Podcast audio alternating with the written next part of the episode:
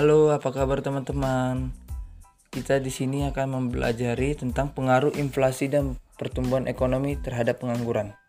Sebelum masuk ke topik, izinkan saya untuk memperkenalkan diri. Nama saya Windra Bimael Purba, semester 7 dari Ekonomi Pembangunan, Fakultas Ekonomi Universitas Simalungun. Oke, kita masuk saja langsung ke topiknya. Topiknya pada dasarnya teori ekonomi adalah sebuah teori yang mempelajari, membahas ten tentang segala peristiwa, fenomena atau masalah-masalah yang terkait dengan ekonomi secara keseluruhan atau dalam ruang lingkup besar. Ekonomi makro juga merupakan bagian dari ilmu ekonomi yang memfokuskan kajian terhadap mekanisme kerja perekonomian suatu bangsa secara yang menyeluruh. Karena pada dasarnya ekonomi makro memiliki tujuan adalah untuk mengerti dan memahami peristiwa atau kejadian yang seputar perekonomian dan berusaha untuk membuat suatu rumusan yang menjadi solusi untuk memperbaiki kebijakan yang ada. Kebijakan yang yaitu mencapai target-target kebijakan seperti pertumbuhan ekonomi, stabilitas harga, tenaga kerja, dan pencapaian keseimbangan neraca yang berkesinambungan. Salah satu permasalahan yang dihadapi dalam ekonomi makro adalah pengangguran. Pengangguran merupakan salah satu bagi setiap negara. Tingkat pengangguran yang tinggi terlalu mengganggu stabilitas ekonomi nasional, sehingga setiap negara berusaha untuk mengurangi jumlah pengangguran pada tingkat yang wajar.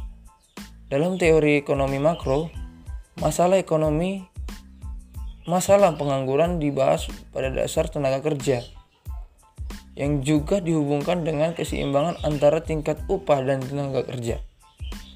Pengangguran terjadi karena pertumbuhan angkatan tenaga kerja lebih tinggi daripada pertumbuhan lapangan pekerjaan yang ada.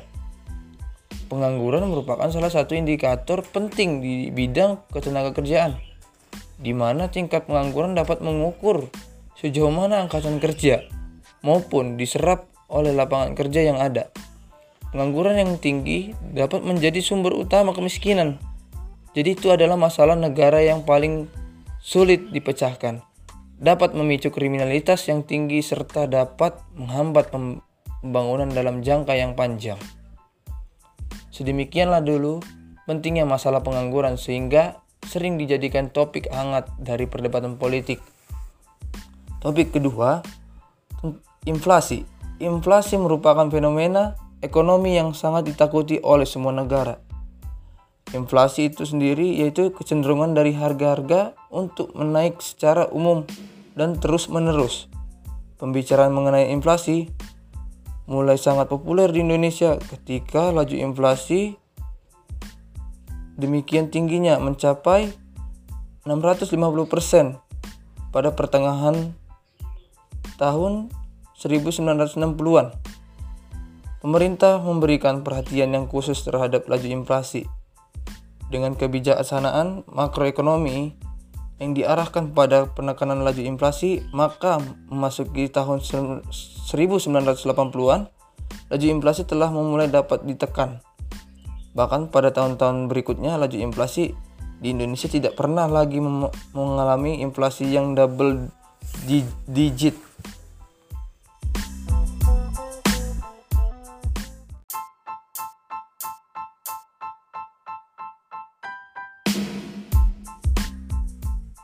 Kita lanjut ke topik berikutnya, ketenaga kerjaan dan pengangguran.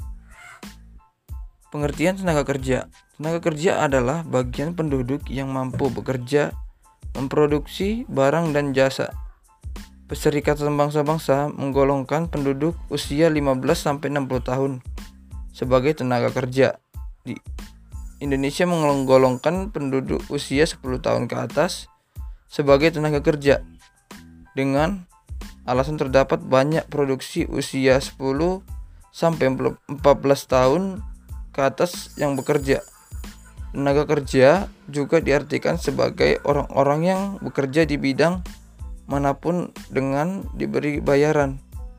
Namun tidak semua penduduk yang mampu bekerja benar-benar mau bekerja. Mereka yang mau bekerja dinamakan angkatan kerja. Tenaga kerja yang tidak termasuk angkatan kerja disebut bukan angkatan kerja, yaitu mencakup mereka yang bersekolah, mengurus rumah tangga, penerimaan pendapatan, dan lain-lain. Angkatan kerja adalah penduduk yang belum bekerja namun siap untuk bekerja atau sedang mencari pekerjaan pada tingkat upah yang berlaku.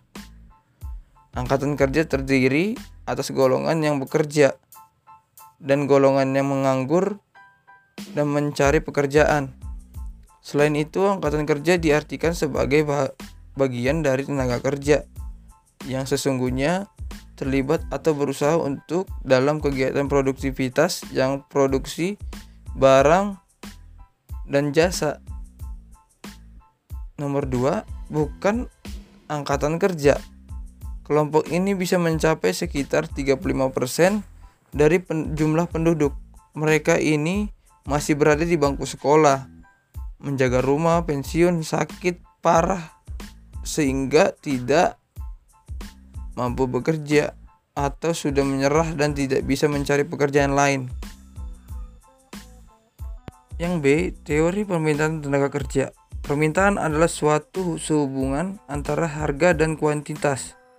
Apabila kita membicarakan permintaan akan suatu komoditi, merupakan hubungan antara harga dan kuantitas komoditi yang para pembeli bersedia untuk membelinya sehubungan dengan perspektif seorang majikan adalah harga tenaga kerja dan kuantitas tenaga kerja yang dikehendaki oleh majikan untuk dipekerjakan. Suatu kurva permintaan menggambarkan jumlah maksimum yang dikehendaki seorang pembeli untuk membeli pada setiap kemungkinan harga dalam jangka waktu tertentu. Yang A. Permintaan tenaga kerja dalam jangka pendek.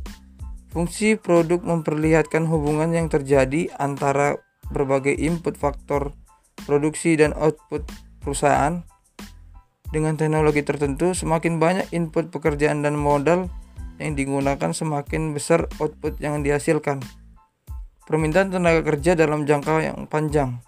Perbedaan antara permintaan terhadap dalam jangka yang pendek dan panjang adalah bahwa dalam jangka yang panjang semua input produksi dapat berubah dalam jangka pendek yang bisa berubah hanya input yang menjadi fokus pembahasan.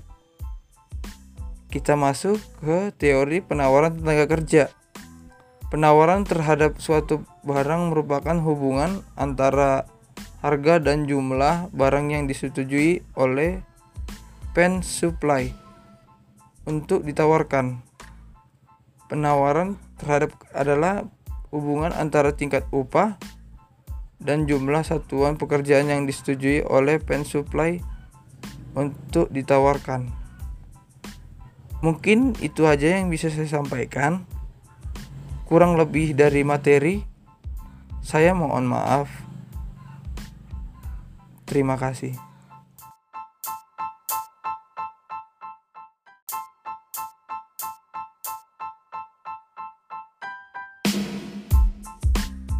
Inflasi adalah suatu keadaan yang ditimbulkan oleh tidak adanya keseimbangan antara permintaan akan barang dan persediaan, yaitu permintaan melebihi persediaan dan semakin besar perbedaan, itu semakin besar bahayanya yang ditimbulkan oleh inflasi. Inflasi terjadi jika proses kenaikan harga berlangsung secara terus-menerus dan saling mempengaruhi. Inflasi juga dikatakan sebagai ukuran terbaik bagi perekonomian dalam suatu negara.